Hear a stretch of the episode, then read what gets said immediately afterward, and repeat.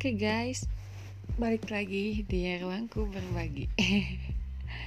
Segmen ini aku mau berbagi cerita kehidupan bareng suami aku yang profesinya itu sebagai pengacara atau advokat. Nah, hei kakak, waktu pertama kali jadi advokat itu tahun berapa sih? 2016 2016 ujian. 2016 ujian. 2017 pendidikan. 2018 sumpah. Ujian sama pendidikan apa bedanya? Ya beda. Ujian mau testing itu. Pendidikan. Ujian masuk gitu. Mm -hmm. oh. Uh, apa sih yang apa sih namanya? Alasan gitu. Alasan kakak jadi uh, pengacara. Kan dulu sebelumnya bukannya nggak mau ya jadi pengacara? Enggak enggak bukan nggak mau juga nggak terinspirasi aja jadi pengacara. Uh, kalau yang melatar belakangi jadi pengacara ya intinya apa ya? Karena persis itu kekurangan uh, pengacara Nah, makanya kader Persis didorong untuk jadi pengacara. Salah satunya adalah aku gitu. Oh, oh jadi berangkat dari dorongan orang lain ya. Iya. Bukan atas dasar keinginan sendiri. Bukan. Tapi pada akhirnya gimana sekarang menikmati atau tidak?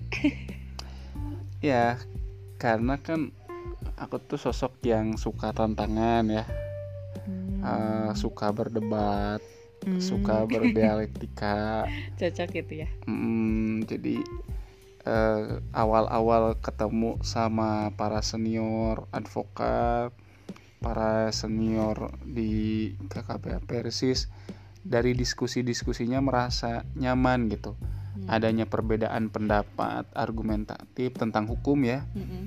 uh, aku ngerasa oh ini ini dunia dunia aku tuh ini gitu hmm. nah yang sebelum sebelumnya nggak nemu kondisi seperti ini di dunia sebelumnya gitu hmm. jadi ngerasa ngerasa nyamannya di situ karena seorang advokat itu tiap harinya uh, dia harus uh, apa ya istilahnya ya nge-upgrade wawasannya dia gitu karena hmm. hukum itu tidak tidak stagnan. stagnan dia itu dinamis sangat sangat dinamis gitu pasalnya sama undang-undangnya sama tapi penafsirannya itu yang penafsiran hukumnya itu yang kemudian e, berbeda-beda sehingga melahirkan dinamisasi gitu.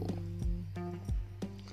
kalau apa ya kan e, stigma masyarakat atau nggak tahu stigma aku aja. Awalnya itu kan ah pengacara aduh uh, mainnya di dunia gelap gitu. Bener kayak sistem kayak gitu dunia gelap ya maksudnya uh, penuh dengan ya kalau di film-film ya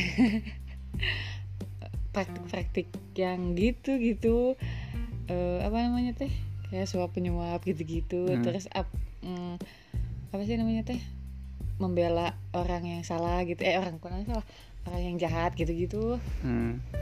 jadi kan eh, kita nggak bisa menjenelari menjenelari menje mengeneralisasi nah, mengeneralisasi ya semua pengacara seperti itu.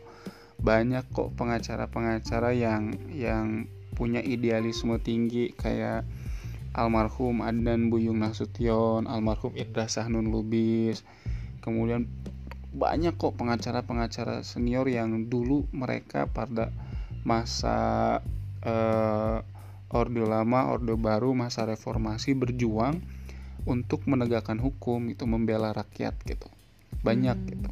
Uh, ada Prof. Yusril Iza Mahendra juga kalau sekarang kan yang dia punya idealisme yang tinggi di eh, dunia penegakan hukum gitu.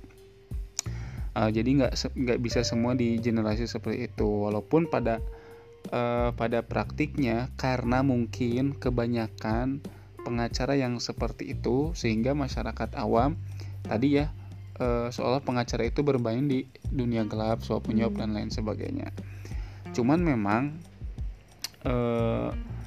s- pengacara itu selalu dihadapkan pada kepentingan kliennya gitu loh Hmm. Hmm, pengacara itu selalu dihadapkan kepada kepentingan klien. Ketika pengacaranya siap untuk fight sampai titik darah penghabisan, belum tentu klien itu siap gitu. Ah, Paham nggak? Iya. Nah, ketika misalnya contoh aja waktu aku ngedamping saksi tipikor ke Tanjung Pinang. Hmm. Nah, aku kan sebagai seorang waktu itu masih asisten advokat waktu Hmm. itu. Walaupun ketika itu asisten advokat dan advokat senior senior akunya siap fight sampai Hmm. titik darah penghabisan, tapi si kliennya ini nggak siap gitu. Hmm. Yang pada akhirnya kondisi nggak siap klien inilah menjadi celah bagi oknum-oknum penegak hukum untuk instan uh, cerain. untuk uh, apa istilahnya ya untuk minta minta perhatian gitu minta perhatian tuh ya kasarnya lah minta duit lah Hmm. gitu nah ini yang dijadikan celah sebenarnya oleh para oknum Hmm, penegak iya, hukum jadi kalau aku dari awal ketemu klien sampai prakteknya selalu komitmen. Siap fight nggak sampai akhir gitu. Jangan sampai pengacaranya siap fight tapi kliennya nggak siap untuk fight gitu. Hmm. nah rata-rata yang rata-rata eh, klien-klien yang nggak siap fight sampai akhir ya, apalagi urusan eh, pidana ya urusan pidana karena penjara dan lain sebagainya pada akhirnya celah inilah yang dimanfaatkan oleh para oknum-oknum penegak hukum gitu tapi kalau kliennya siap fight sampai akhir kita fight sampai akhir gitu Hmm. tanpa kompromistis gitu dengan dengan siapa pun gitu Hmm, ya ya ya. Nah, jadi sebagai eh, seorang pengacara memang sulit ya untuk mempertahankan idealisme karena memang pengacara tuh ada di posisi di tengah-tengah dia. Hmm. Dia ada di posisi tengah-tengah dalam arti begini. Penegak hukum yang lain tuh punya kewenangan. Contoh, polisi punya kewenangan untuk menahan orang. Hmm.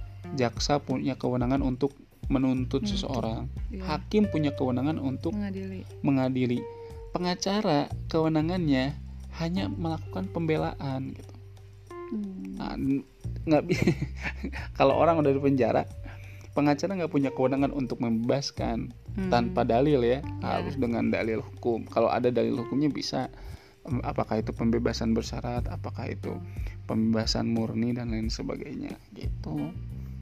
Jadi sulitnya sulitnya di situ mereka kadang-kadang menyalahgunakan eh, si oknum-oknum ini menyalahgunakan kewenangannya baik kewenangan menahan baik kewenangan menuntut Hmm. baik kewenangan eh, memvonis seseorang jadi ini sedikit sisi gelap ya di di dunia dunia hukum ya.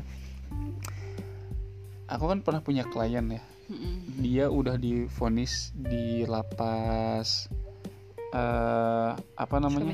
bukan bukan. Kabupaten. Kabupaten tuh lapasnya apa ya namanya? Lupa lapasnya. ya. Mm. Ah, pokoknya di tengah sawah lapasnya tuh. Nah, ah, kan aku nengok kan ke sana kan karena dia minta tolong eh, untuk mengajukan upaya hukum kasasi Kasasi teh? kasasi itu upaya hukum terakhir di Mahkamah Agung Hmm. kan ada putusan pertama, putusan kedua upaya hukum banding, putusan terakhir upaya hukum kasasi. Ada upaya hukum luar biasa namanya peninjauan kembali atau PK. Nah, aku nengok kan ke sana ke ke lapas. Aduh, lupa lapas apa ya? Yang di kabupaten teh bentar, ingat-ingat dulu ya. Lapas yang di kabupaten.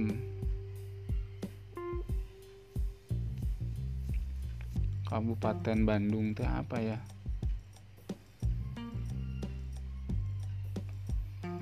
Jelekong. Oh. Nah, lapas Jelekong. Nah, kan ke sana nengok klien di sana karena dia kan nggak bisa keluar. Iya, Makanya itu kan- kan di penjara. Ah, makanya kan aku yang nyamperin ke sana. Ah, ternyata pas ketika eh, aku ngobrol sama klien aku di gazebo sana di gazebo lapas Jelekong sana, dia cerita terkait hiruk pikuk putusannya dia dulu. Mm-mm. Mm, karena kan aku nggak damping, Hmm. nggak damping putusan eh, sidang sidang perdananya sidang di tingkat pertamanya nggak damping bandingnya nggak nggak damping nah dia itu minta kasas eh, maaf maaf bukan kasasi tapi PK dia minta PK Hmm. karena dia nggak banding Hmm. jadi langsung peninjauan kembali dia minta perkaranya diupaya eh, peninjauan kembalikan di Mahkamah Agung nah kan ngobrol-ngobrol dulu ini sejauh mana dulu perkaranya diputus. Dia bilang gini sebenarnya Pak kalau saya mau dulu itu ada orang yang nawari saya. Nah saya tuh kan difonis tiga tahun. Mm-mm. Tanya, nah ada proyek namanya tuh proyek salah ketik. Hmm. jadi proyek salah ketik tuh gini asal dia mau bayar sekian rupiah gitu ya. Hmm. aku lupa lagi berapa dimintanya. Nanti bisa disalah ketikkan si putusannya gitu loh. Ah. bayangin dibacakan oleh hakim vonis 3 tahun tapi diketiknya itu satu tahun misalnya. Mm-mm. nah itu namanya proyek salah ketik. Itu ada loh. Itu ada gitu. Ada gitu. Nah dia dia cerita seperti itu. Tapi yang jadi dasar eh berapa lama dia di penjara itu emang yang salah ketiknya itu bukan ya iyalah putusan yang tertulis lah Oh. Tuh nggak ada Ah, ah. efeknya tuh dari hakim teh. Nah makanya ini yang merusak gitu oknum-oknum ini yang yang merusak tapi itu tahun berapa ya lupa lagi lah udah udah udah lama bukan ke mana udah lama jadi dan itu cuman salah satu salah satu Salah modus satu. Dan dari sekian banyak. dari sekian banyak jadi mem- memang kalau kita tidak punya idealisme yang tinggi sejak awal lebih baik jangan jadi seorang pengacara gitu. Prinsip juga kayaknya harus kuat deh. ya prinsip juga harus kuat kuat dan pernah juga gitu eh, satu saat eh, disuruh nyogok hakim gitu ya aku disuruh nyogok hakim Hmm. dan aku nolak gitu paling kata aku eh, ini berbenturan sama idealisme saya sebagai seorang pengacara Hmm. paling kalau mau silahkan aja Cari yang lain. Eh, eh, eh, enggak maksudnya Oh. silakan aja kalau memang mau eh, seperti itu pilihannya datang aja gitu ke pengadilan temui aja langsung Oh sama kliennya Ah, langsung. kliennya langsung nggak nggak usah melalui pengacara silakan aja langsung gitu jadi memang bener-bener prinsip idealisme tuh harus di dijaga sebagai seorang lawyer dan waktu PKPA PKPA eh, tuh. waktu pendidikan eh, apa Advokat. Eh, pendidikan advokat ada kan terkait materi materi aduh lupa lagi materi apa pokoknya dia seorang lawyer juga perempuan ibu-ibu orang lawyer juga dan dia menyampaikan bagaimana idealisme dia sebagai seorang seorang pengacara Hmm. Nah, kan aku nanya di situ di forum itu, gimana sih caranya menjaga idealisme kita sebagai seorang penegak hukum Hmm. di tengah-tengah kondisi yang yang yang bahasanya korup lah ya, Mm-mm. tengah kondisi yang yang korup. Itu dia dia juga eh, menjawab ini berat gitu. Hmm. Karena rata-rata eh, lawyer yang lawyer yang punya idealisme tinggi di, pene- di di penegakan hukum itu selalu dimusuhi oleh oleh rekan-rekannya gitu Hmm. rekan-rekan penegak hukum yang lain gitu kata dia ya kata si Hmm. pematerinya saya sampai di judgement di satu pengadilan katanya sebagai lawyer yang pelit katanya Mhm. karena setiap saya datang ke sana saya nggak pernah bagi-bagi katanya gitu saya saya cuek aja lurus aja lempeng aja gitu dan cara melatih idealisme itu ya kita diam di LBH kata dia tuh gitu Hmm. diam di LBH di lembaga bantuan hukum di mana klien kita adalah rakyat-rakyat kecil gitu, yang mereka nggak punya duit gitu Bedanya apa? Ya. mereka cuman punya modal modal keberanian modal eh, berani menanggung resiko gitu mereka nggak punya duit gitu kalau kli- kalau klien kita orang kecil orang miskin ketika ada oknum yang minta duit mau dari mana mereka Hmm. ngeluarin duit nah dari situ kita menjaga idealisme kita membela orang-orang yang kecil gitu orang-orang yang lemah misalnya membela petani yang tanahnya di- dilakukan penggusuran misalnya gitu membela buruh-buruh yang di PHK kata dia itu seperti itu Hmm. banyak ambil banyak take over kasus-kasus yang betul-betul menindas rakyat lemah kata dia itu. Di situ kita akan memupuk ide eh, bisa memupuk menjaga idealisme kita sebagai penegak hukum. Gitu. Tapi walaupun misalnya effortnya itu bukan uang tapi ini merupakan investasi jangka panjang kata dia tuh gitu.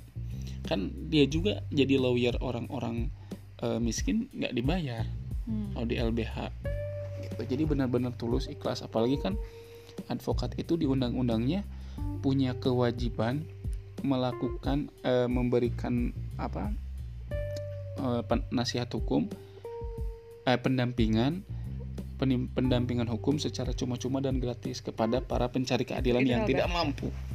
Nggak semua advokat. Oh. Semua advokat di seluruh Indonesia punya kewajiban untuk melakukan eh untuk apa mendampingi para penegak eh para pencari keadilan yang tidak mampu. Nah, implementasinya itu dibentuk LBH. berarti ada yang buat istilahnya orang kaya gitu. Kan LBH untuk rakyat miskin ya Hmm, ceritanya. Yang nggak punya uang datanglah ke LBH hmm. terus yang punya uang datang ke mana? Ya kantor hukum. jadi bedanya gimana? Kan antara kantor hukum sama LBH Kalau kantor hukum itu profitable, hmm, kalau LBH non profit. betul-betul berjuang ya di LBH Hmm. terus tadi yang apa sih eh, yang stigma masyarakat kalau pengacara yang jadi pengacara orang yang salah yang jahat itu dia meng- eh, apa sih membela orang yang salah gitu itu gimana tuh? Itu agak panjang, agak panjang singkat aja buat jelasinnya. Dua SKS cukup lah ya. Ini negara kita, founding father kita eh, menetapkan gitu ya bahwa negara kita adalah negara hukum, Mm, ya kan? Pasal 1 ayat 3 Undang-Undang Dasar 1945 mm, negara Indonesia adalah negara hukum. Sebuah negara hukum itu banyak prinsip-prinsipnya yang harus dipenuhi. Ya. Salah satu prinsip dari sebuah negara hukum itu adalah due process of law. Ya, apa itu due process of law itu ada adanya samaan nggak di mata hukum ya bukan Eh, itu equality before the law. salah due process of law itu sederhananya gini adanya eh, peradilan yang adanya peradilan yang adil dalam memeriksa satu perkara artinya seseorang yang dituduh oleh negara melanggar undang-undang dia harus diberikan hak untuk melakukan pembelaan. Jadi kan eh, di sistem hukum kita seseorang yang melakukan tindak pidana itu musuh negara. Mm, makanya negara untuk melawan musuhnya itu menunjuk pengacara namanya pengacara negara. Hmm, atau dalam bahasa lain jaksa, institusi kejaksaan itu pengacara negara. Kalau hmm. kalau teman-teman main ke kejaksaan agung ke sana ada di kantornya tuh tulisannya tuh gede pengacara negara. Karena memang negara menunjuk pengacara. Hmm, nah, untuk melakukan dakwaan dan tuntutan. Nah disebutnya jaksa. Jadi eh, mereka yang melakukan tindak pidana adalah musuh negara ketika mereka disangka didakwa dituntut melakukan satu tindak pidana harus diberikan hak-hak mereka untuk melakukan pembelaan atau pembuktian terbalik hmm. bahwa mereka tidak melakukan tindak pidana ini harus diberikan hak itu gitu ke Hmm, ke mereka. Ini salah satu prinsip namanya due process of law. Dia harus melalui pemeriksaan yang adil gitu. Seseorang yang disangkakan itu. Nah, pengacara perannya di situ memberikan memberikan apa namanya? keadilan pandangan hukum yang seimbang oh itu. Jadi kan negara pakai pengacara. Rakyat masa nggak pakai pengacara? Gitu. Negara pakai pengacara, rakyat pakai pengacara. Bahaya kalau negara pakai pengacara, rakyat maju sendiri karena tidak semua orang kuliah di hukum kan, Mm-mm. tidak semua orang paham hukum, gitu kan. Mm-mm. Sehingga eh, hadirnya peran pengacara itu bukan untuk melakukan pembelaan secara membabi buta ya Mm-mm. bukan untuk melakukan pembelaan secara buta tapi melakukan pembelaan terhadap hak-hak seorang tersangka terhadap hak-hak seorang terdakwa terhadap hak-hak seorang tertuntut sesuai dengan peraturan perundang-undangan yang berlaku gitu loh. Hmm, jadi nggak semata-mata membela ya ada. Nggak nggak membabi buta membela enggak ya ya ya paham. tapi sesuai dengan eh, kalau haknya tidak diberikan oleh undang-undang mana bisa kita bela gitu loh. Hmm, tapi selama ada hak yang diberikan oleh undang-undang kita bela di posisi itu. Nah peran pengacara dalam dunia eh, persidangan itu memberikan eh, balancing opinion gitu hmm, opini yang menyeimbangi dari opini jaksa ke penuntut umum. Rata-rata jaksa itu kan tugasnya mendakwa menuntut seberat-beratnya. hmm, Bayangkan, bayangkan ini. Kalau nggak pakai pengacara ada orang yang mencuri misalnya, mencuri uang misalnya 5 juta rupiah. Misalnya ya, mm-mm. ada orang yang mencuri uang 5 juta rupiah. Pencurian itu hukumannya misalnya 6 tahun penjara Mm-mm. ini hanya 5 juta rupiah dituntutlah oleh jaksa didakwalah oleh jaksa pakai pasal itu dituntut oleh jaksa 6 tahun penjara dengan kasus pencurian 5 juta.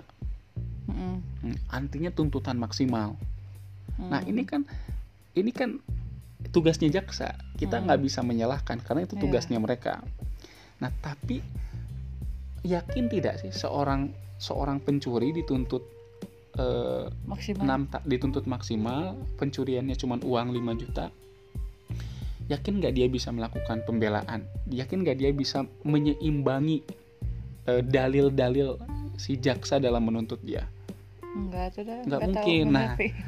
peran pengacara di situ masuk di situ hadir Hmm. bahwa eh, pidana itu adalah ultimum remedium. Ultimum remedium itu jalan terakhir dalam penyelesaian masalah.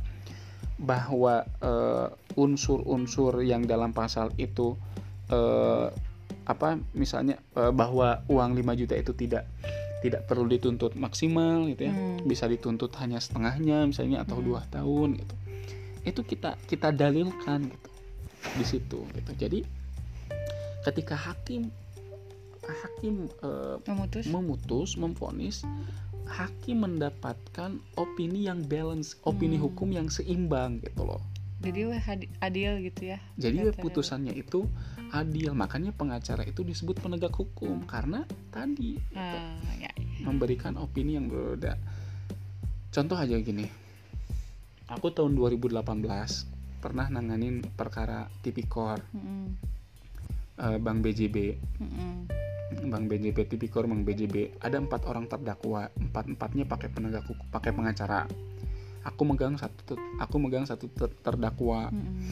nah ketika agenda nota pembelaan atau pledoi Mm-mm. ya eh, tiga orang lawyer ini ya tiga Hmm. orang lawyer ini yang terdakwa tiga ini anggaplah si A si B si C Mm-mm. Klien aku si D Mm-mm. nah si A si B si C lawyernya ini minta dibebaskan Hmm. minta dibebaskan nah sedangkan aku ketika itu ketika buat nota pembelaan karena aku menyadari bahwa unsur tipikornya terpenuhi Mm-mm. unsur tipikornya terpenuhi karena dia menyalahgunakan wewenang Mm-mm. walaupun kerugian negara yang timbul ketika itu tidak eh, sebesar yang didakwakan Mm-mm. yang didakwakan itu eh yang didakwakan itu kerugian negara 22 miliar Mm-mm. tapi yang di yang di yang terbukti di fakta persidangan si klien aku si D ini hanya menerima 100 juta Mm-mm. Ah, nggak seberapa Ya, maksudnya jauh jauh gitu di di di di, di nominal 22 m Mm-mm.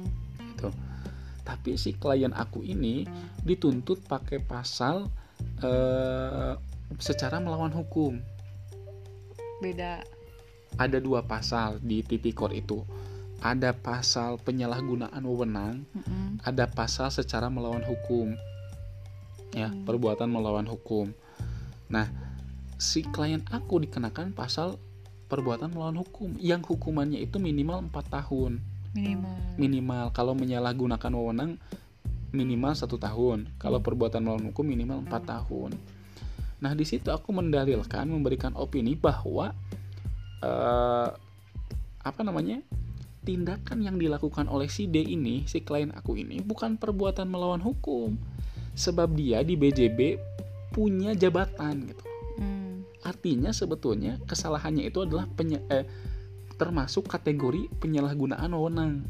Mm-mm. walaupun dia dengan alasan eh, apa lupa dengan alasan lalai tetap aja kena gitu ya nah aku mendalilkan pasal itu sehingga aku minta hukumannya diringankan bukan dibebaskan Karena memang ada kesalahan. karena gitu, unsurnya terpenuhi Iya. dia menyalahgunakan undang tapi dia tidak melawan hukum kalau melawan hukum itu calo gitu. Hmm. Nah, kalau calo dia nggak punya jabatan, misalnya nawar-nawarin, eh kan gini kasusnya tuh, eh ada ada program kredit Purna Bakti di BJB itu. Nah, ada calonya juga, ada mediator lah bahasa itu, ada calo yang nawar-nawarin berkas gitu Hmm. dan lain sebagainya. Nah, kalau calo ini cocok perbuatan melawan hukum karena dia nggak punya jabatan gitu loh. Hmm. Nah, karena dia calo nggak punya secara melawan hukum melakukan tindak pidana korupsi. Nah, kalau yang orang yang punya jabatan nggak mungkin secara melawan hukum karena dia punya jabatan gitu. Hmm. Dia bahasanya adalah menyalahgunakan wewenang. Nah, ketika itu aku nggak minta bebas. Yang tiga lawyer ini si A, B, C ini minta bebas. Mm-mm. Nah, si D ini yang aku aku nggak minta bebas karena unsurnya terpenuhi gitu loh. Nah, ini di posisi posisi penegak hukum tuh sebetulnya di di di sini gitu Hmm. memberikan balancing opinion gitu. Woi, mantap. Sejauh ini kurang lebih 3 apa 4 tahun lah ya berkecimpung di dunia eh, perhukuman meskipun kuliah hukum juga ya, tapi kan beda sama eh, ketika terjun di lapangan. Apa sih yang pengalaman apa yang bikin apa ya sampai sekarang teh berkesan gitu? Maksudnya berkesan di mana? ya berkesan selama jadi lawyer apa yang bikin berkesan gitu Berkesan. yang membekas dalam benak jiwa raga eh waktu uji materi ya di Mahkamah Konstitusi Oh. itu berkesan banget. yang masuk TV Ya. 2017 aku belum disumpah waktu itu 2017 Eh, tapi di Mahkamah Konstitusi udah pakai toga. Itu benar-benar pengalaman yang berkesan banget sih. Kayaknya di forum MK ketika itu orang yang paling muda itu aku gitu kenapa di- bisa jadi sesuatu yang berkesan? Ya itulah di forum seprestisius MK aku hadir di sana sebagai lawyer pemohon ya. Mm-mm. persis. Eh, dan aku lihat gitu rata-rata udah pada senior ada. Aku di situ ketemu tokoh-tokoh penting lah. Hmm. ketemu Prof. Yusril ketemu para hakim MK ketemu Pak Yasona Lauli ketemu Pak Cahyo Kumolo ketemu orang-orang yang yang apa ya namanya ya eh, orang-orang penting lah Hmm. di di forum MK itu. Aku ngelihat dan aku ngerasa ngera, nge- ngerasa apa ya kecil gitu. Kecil dalam dalam arti karena aku anak eh karena aku bawang. paling paling muda gitu. Ya anak bawang gitu.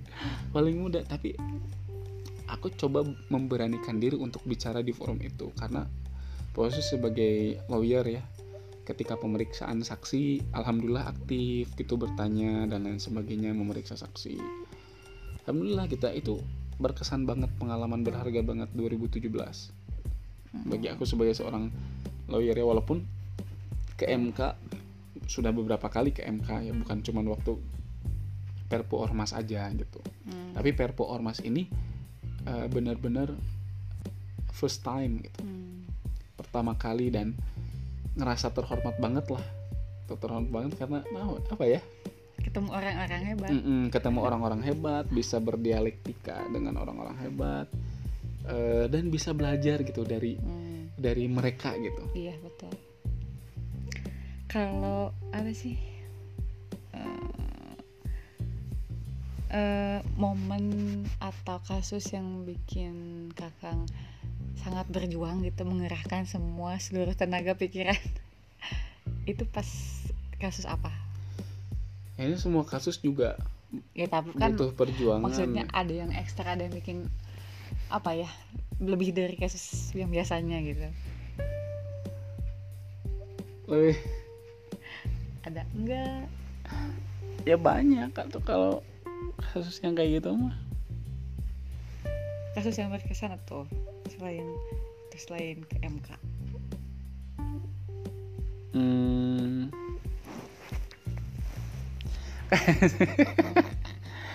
aduh se- sebenarnya kasus itu mah nggak usah di omong-omongin ya malu juga gitu maksudnya. Cuman memang pernah aku ngebela eh, orang-orang yang dikriminalisasi ya Hmm. oleh hukum. Tapi waktu itu aku bukan sama LBH Persis. Oh. Waktu itu aku sama LBH Unisba. Eh, bentar bentar. Jadi pengacara itu bisa ke mana aja ya? Maksudnya bisa. Nggak terpatok dalam satu LBH atau kantor ya? Bisa. Jadi kan guru eh, guru advokat pembimbing orang yang menjurumuskan aku ke dunia advokat itu kan eh, alumni Unisba Hmm.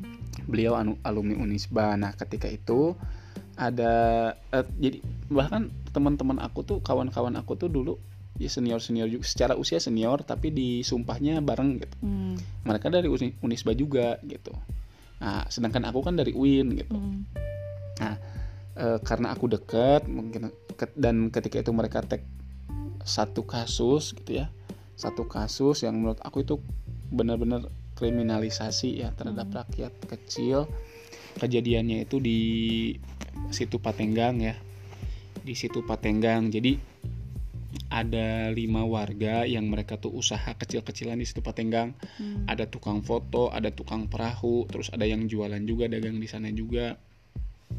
Mereka dikriminalisasi, dituduh pemerasan disertai ancaman, pencurian disertai kekerasan. Hmm. Yang ancaman hukumannya 9 tahun dan 12 tahun. wow Uh, uh, padahal mereka itu uh, hanya mengamankan uang loket tiket Hmm. Nah, dengan maksud mereka ingin ketemu dengan pimpinan eh, dengan pimpinan kepala tiket itu itu karena kan ada objek wisata baru ya di Ciwidey sebelum. Patenggang ada glamping lakeside nah mereka itu semenjak ada objek wisata glamping lake- lakeside para para warga lokal yang berusaha di situ Patenggang menurun eh, pendapatan eko- pendapatan. ekonominya menurun Hmm. karena si wisatawan itu di-cut itu di depan ke Patenggang yang dulu para wisatawan itu kalau mau ke Batu Cinta itu harus ke Patenggang Hmm, naik perahu naik perahu nyebrang itu ya baru bisa foto-foto di Batu Cinta sih aku pernah soalnya Ah, ah, nah sekarang itu karena ada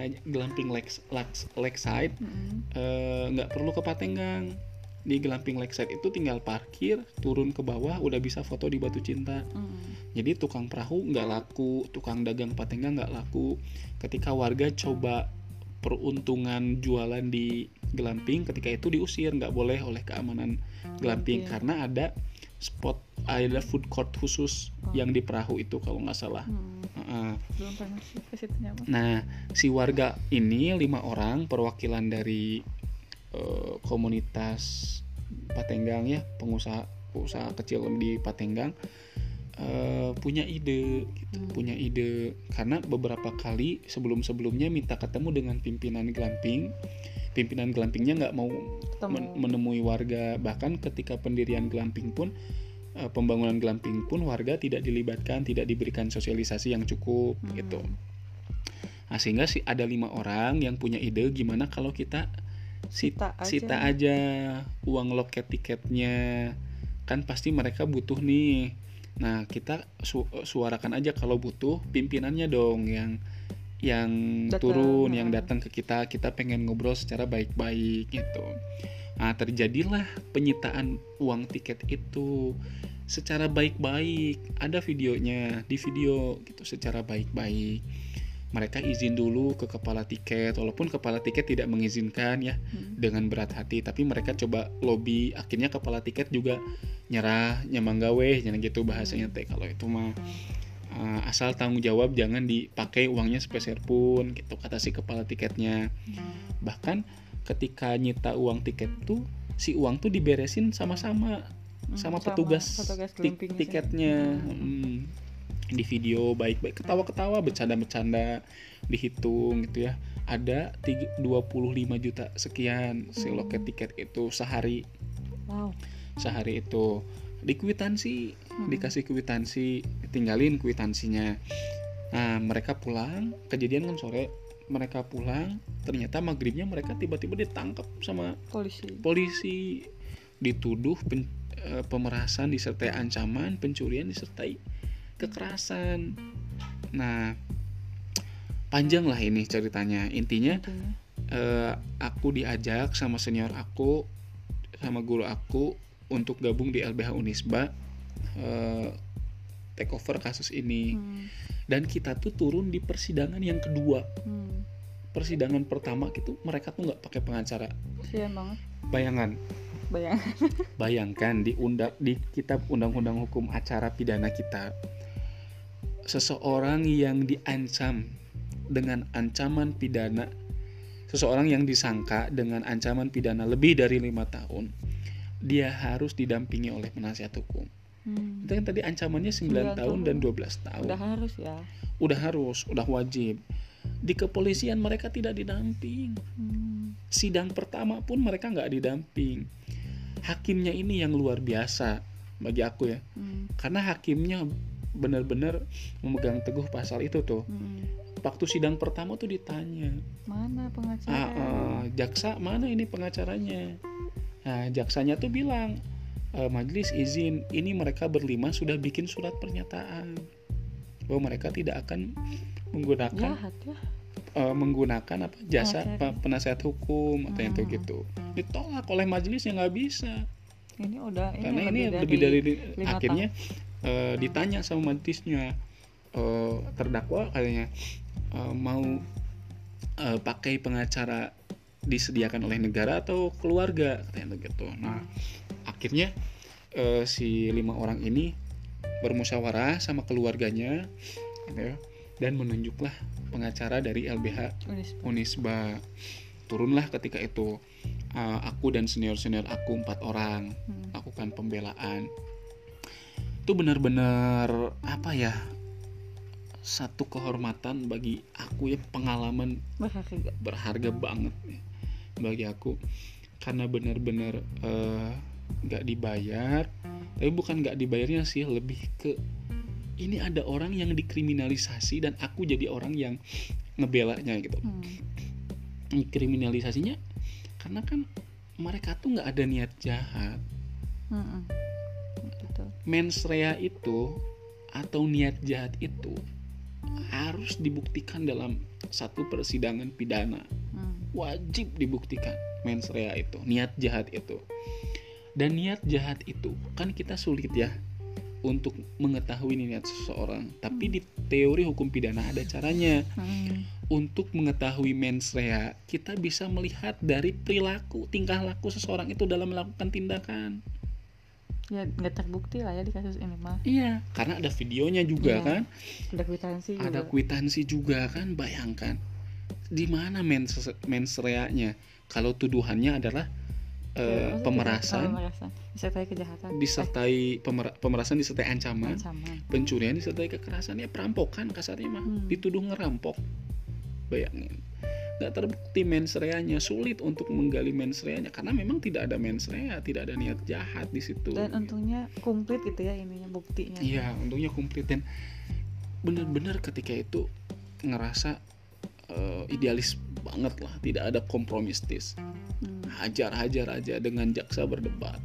Saksi dari kejaksaan ketika itu digali sedalam-dalamnya bahkan dakwaan eh, berita acara pemeriksaan di kepolisian ditolak. Hmm. ditolak karena tidak didamping Hmm-mm. oleh pengacara. Sampai polisinya dipanggil ke persidangan. Ah, ah, diperiksa gitu dulu. Sampai benar-benar eh, ketika itu ketika aku melakukan eh aku bacain nota pembelaan ya bener-bener sedih gitu. Dan setiap sidang tuh ruang sidang tuh penuh banget. Sidang tuh di ruang utama. Mm-mm. sidang tuh di ruang utama. Dan penuh banget sama warga. Alhamdulillah. Nah ini aku yang yang yang luar biasanya ya. Orang desa itu solidaritasnya tinggi. Hmm. setiap jadwal persidangan setiap hari Rabu Patenggang itu sepi yang jualan. Karena Datang- mereka turun datang ke datang sidang. ke pengadilan wah datang ke pengadilan. Mereka buat ram di pengadilan bayangin. buat ram terus eh, kantin pengadilan tuh Pino. di pinu diborong sama mereka tuh. Solidaritasnya tinggi gitu dan tiap sidang tuh penuh terus gitu. Dan gimana ya udah kayak kayak apa ya aku teh? Kayak artis gitu ya ditunggu-tunggu gitu ya. Kalau aku datang teh oh dihormat itu eh, apa jam ya, disambut gitu lah sebagainya. Itu nah ketika bacain nota pembelaan tuh benar-benar sedih banget sedih banget. Baca bacain nota pembelaan tuh. Sampai si warga tuh nangis si terdakwa tuh nangis. Sampai aku juga nggak kuat gitu bergetarnya. Maksudnya aku inget aku inget di di di no- di penutupan nota pembelaan ngutip ayat Quran ya. Hmm. atin ya alaihissallahu bi ahkamil hakimin. Tiga kali aku ulang sampai artinya juga aku ulang. Jadi eh, apa? Alaihissallahu bi ahkamil hakimin itu aku kutip juga. Nah itu di situ agak agak agak apa sih agak mellow ya di situ. Aku juga ngutip eh, ada gium dari Sir William Blackstone ya hakim tinggi di Inggris hakim agung di Inggris yang itu enak banget gitu bacainnya tuh. Yang apa sih masa sampai masih inget gitu sampai sekarang.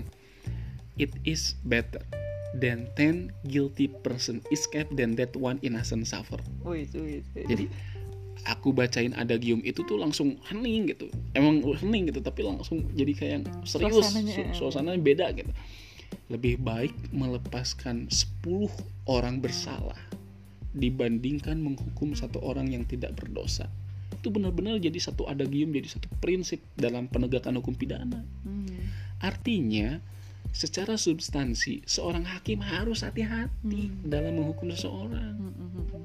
berdasarkan ada game itu harus hati-hati sangat sangat hati-hati gitu pokoknya itu jadi momen momen langka banget lah bagi bagi aku gitu dalam dunia Yang praktek Tiap sidang dikasih bandrek ya sama strawberry. iya ada bandrek ada strawberry ada Semua dibekalan. ini bakalan lah pokoknya teh gitu karena eh apa?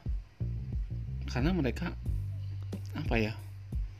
Ya termasuk warga yang tidak mampu untuk membayar pengaca- jasa jasa pengacara gitu.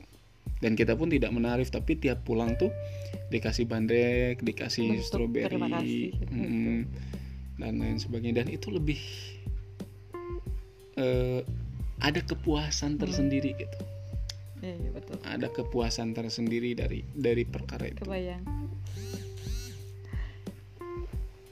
Terus gimana itu ujungnya? Tenang. ya akhirnya mereka dibebaskan jadi ketika sidang sidang diputus mereka udah bisa keluar hari itu juga cuman karena persoalan administratif akhirnya ke pending dua hari apa tiga hari ke depan lah baru bisa bebas itu gitu sih eh, intinya permintaan dari keluarga itu dulu itu aku ingat eh, hoyong lebaran di bumi pak cina gitu Hmm, sedih. dan dan itu terkabulkan gitu Hmm. mereka akhirnya lebaran di rumah mereka masing-masing alhamdulillah gitu inget kena gitu masih inget Eh, ada lagi yang mau dibagikan ceritanya gitu. aku tuh termasuk orang yang sering di underestimate sama lawan ya di lawan tuh sering kali underestimate Oh, bahkan ya mah. bahkan cum- bukan cuman lawan aku pernah ketemu dengan beberapa klien yang high class gitu ya Hmm. yang dia tuh orang kaya lah gitu ya. Ketika aku dibawa sama senior aku ketemu mereka tuh eh sikap mereka tuh beda gitu. Hmm. Kayak yang underestimate gitu ke aku tuh. Nah, ah, budak ngoral lah ya anak kecil lah, anak bawang ini paling Bisaun gitu. Ah, bisain gitu ya percaya nggak ya aku dan sering aku di underestimate eh, sama lawan dan sama klien aku sendiri gitu tapi ketika aku membuktikan kualitas uh, advice kualitas berpikir aku ke mereka gitu ya uh, kualitas argumentasi hukum aku ke mereka hmm. ke klien lah ke klien dulu ya kayaknya mereka trust gitu. Hmm. aku bahkan uh, aku ngerasa mereka lebih trust ke aku dibandingkan ke senior ya, gitu. uh, ke senior gitu. Nah kalau dengan lawan ini emang kes, agak kesel oke nya. Di underestimate sama lawan. Cuman aku kan orangnya santai uh, watados lah wacana teh gitu ya di underestimate sama lawan tuh sering banget. Bahkan aku pernah gini loh aku pernah ngedamping kasus uh, pemalsuan pemalsuan data BPJS juga jadi ada orang yang nyairin dana BPJS orang lain gitu Nah, ketika itu itu adalah perkara pidana pertama aku. Hmm. Nah, ketika itu kan aku gabung sama senior. Hmm. Cuman senior aku sidang di Jakarta. Aku udah kamu aja zam yang sidang, intinya kan gitu. Sendiri berani kan berani lah kata masa pengacara nggak berani. Sidang lah sendiri kan. Eh ternyata sama si hakimnya tuh ditanya gitu. Adek katanya. Sidang sendiri katanya. Eh ya ya majelis katakan kan. Ya majelis sendiri. Emang berani gitu? Kamu sidang sendiri katanya gitu. Kan wah oh, itu benar-benar jaksa penuntut umumnya juga senyum-senyum gitu. Bilang lebih. Uh, uh, gitu. Itu kan benar-benar nurunin apa ya? Nurunin kepedean gitu. nurunin percaya diri gitu. Tapi aku hajar aja gitu. Ketika pemeriksaan saksi ajar gitu. gitu. Da, mereka dari situ tahu gitu kualitas aku sebagai seorang lawyer tuh seperti apa gitu sering sering banget di di apa di underestimate kadang-kadang bahkan ketika kadang-kadang bahkan aku kesel gitu ya ketika aku ketemu satu lawyer yang lain yang dia udah senior tapi ketika berbicara jalan keluar dari permasalahan mereka tuh tidak argumentatif gitu loh. Hmm. paham nggak? Udahlah lu lawyer gue lawyer udahlah sama-sama lawyer kan udah kita beresin aja di belakang. Ini tidak argumentatif gitu loh. Hmm. udah kan lawyer dan sebagainya. Jadi itu yang yang yang apa ya? Yang unik gitu di dunia pengacara dan underestimate itu hadir di hadir di semua kalangan gitu. Di persis pun kadang uh, pada awalnya aku di underestimate di persis juga gitu. Hmm. Jam-jam aku disebut anak bawang. Jam-jam anak bawang jadi gitu. Tapi kan ketika aku bisa membuktikan kualitas diri aku sendiri pada akhirnya kan eh, aku alhamdulillah gitu selalu dilibatkan di sektor-sektor hukum. Hmm. terakhir nih ada ada pesan yang ingin akan sampaikan gak ke calon-calon pengacara gitu? Ya itulah kalau kalau mau jadi pengacara pupuk dulu idealisme ya harus benar-benar teguh pada prinsip-prinsip penegakan hukum bergabung dengan orang-orang yang punya idealisme juga dengan senior-senior advokat yang punya idealisme juga. Terus kan begini eh, akan ke, ke depan akan banyak perkara-perkara yang bisa uh, melatih dan menjaga idealisme kita. Ambil perkara-perkara itu gitu loh uh, kalaupun nanti ada uh, kalaupun nanti pengacara itu misalnya ingin ada profit uh, pasti ada pasti selalu ada ada ada jalannya gitu untuk untuk dapat apa sih untuk dapat perkara yang profitable tapi jangan lupakan juga kalau kita punya punya kewajiban gitu untuk memberikan pembelaan terhadap para pencari keadilan yang yang tidak mampu gitu. Oke, mantap ya. Uh, udah satu SKS lebih, udah mau dua SKS nih. Uh, gitu ya teman-teman cerita kehidupan seorang pengacara handal. Mudah-mudahan uh, menginspirasi teman-teman semua ya khususnya yang berniat mempunyai cita-cita jadi pengacara dan gini ya uh, jadi seorang pengacara itu tampilan itu benar-benar berpengaruh. berpengaruh. Pandangan pertama klien pandangan pertama lawan ke kita itu ngaruh banget sama ke depannya makanya makanya gitu ya. Aku pernah kan ya waktu pertama pertama eh, jadi asisten advokat tuh setelan tuh ngustad gitu. Sampai sama senior aku bilang jam NTT calon pengacara lain calon ustad gitu. Aku bilang kayak gitu gitu. Terus aku pernah ya tiap ke tiap ke pengadilan tuh ya tiap sidang tuh aku kan bawa tas. Bawa tas pakai kemeja dimasukin ke celana pakai dasi gitu ya. Aduh kan? Sering kan dulu kan? sampai sampai ke pengadilan tuh dibully sama senior tuh. E, ente dek sekolah dek sidang jadi gitu gitu dek sekolahnya ente mah lain sidang gitu. Jadi seorang lawyer tuh penampilan tuh benar-benar diperhatiin. Benar-benar diperhatiin. Serius deh penampilan itu benar-benar diperhatiin. Kalau kita penampilannya kumuh penampilannya eh, gak, gak merhatiin penampilan kita tuh bakal di apa ya istilahnya ya? Bakal di ya dibully underestimate gitu. Walaupun sebetulnya penampilan bukan utama ya. Yang pertama yang utama fisik. Tapi eh, yang yang utama itu isi otak gitulah pemikirannya ya terkait hukum. Tapi benar-benar deh kalau suasananya udah nggak nyaman gitu ya jadi hese buat mikir gitu. Kalau orang udah underestimate sama kita dan itu bukan satu orang gitu ya kita udah ada di suasana yang orang-orang teh memandang kita sebelah mata udah nggak enak kok ya gitu. Tapi kalau penampilan kita oke okay, kita lebih percaya diri gitu. Iya. lebih percaya diri makanya uh, penampilan itu bener-bener apa ya istilahnya modal. Kalau untuk pengacara penampilan itu modal tapi bukan bukan segalanya gitu. Yeah. tapi modal gitu. Ketika kita jadi pengacara seorang pengacara di satu LBH misalnya ya tapi penampilan kita misalnya uh, mewah gitu ya itu lawan tuh bakal bakal istilah nama uh, buka takut duluan gitu hmm. atau mempertimbangkan duluan gitu jadi uh, kita juga pede gitu Nah, tapi kalau misalnya penampilan kitanya nggak kita perhatiin, kita datang datang dari LBH, ah udah gitu. Dan gini, penampilan itu menunjukkan bahwa urusan urusan duit kita udah selesai gitu. Iya. Karena kita udah bisa beli ini, beli ini gitu ya. Minimal lah, minimal. Udah bisa beli uh, sepatu blazer, dompet, dompet lawyer lah, minimal gitu. Padahal kan tentu, belum tentu, tapi iya.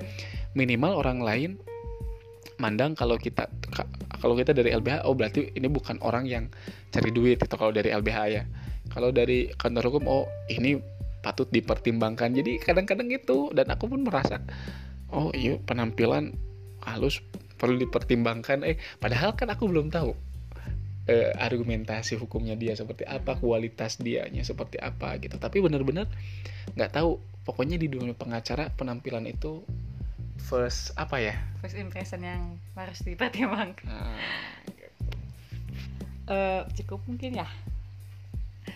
Oke okay, guys gitu guys kalau ada yang mau ditanyain atau uh, apa ya uh, diskusi lanjutan gitu ya atau ada saran apa pun boleh kirim email ke silmakafa27 at gmail.com atau iya, mau iya, iya. DM IG juga boleh di at mykaf M Y K A F F gitu guys Oke mungkin cukup sekian di next eh di next di segmen kali ini. Ketemu di segmen selanjutnya ya. Bye bye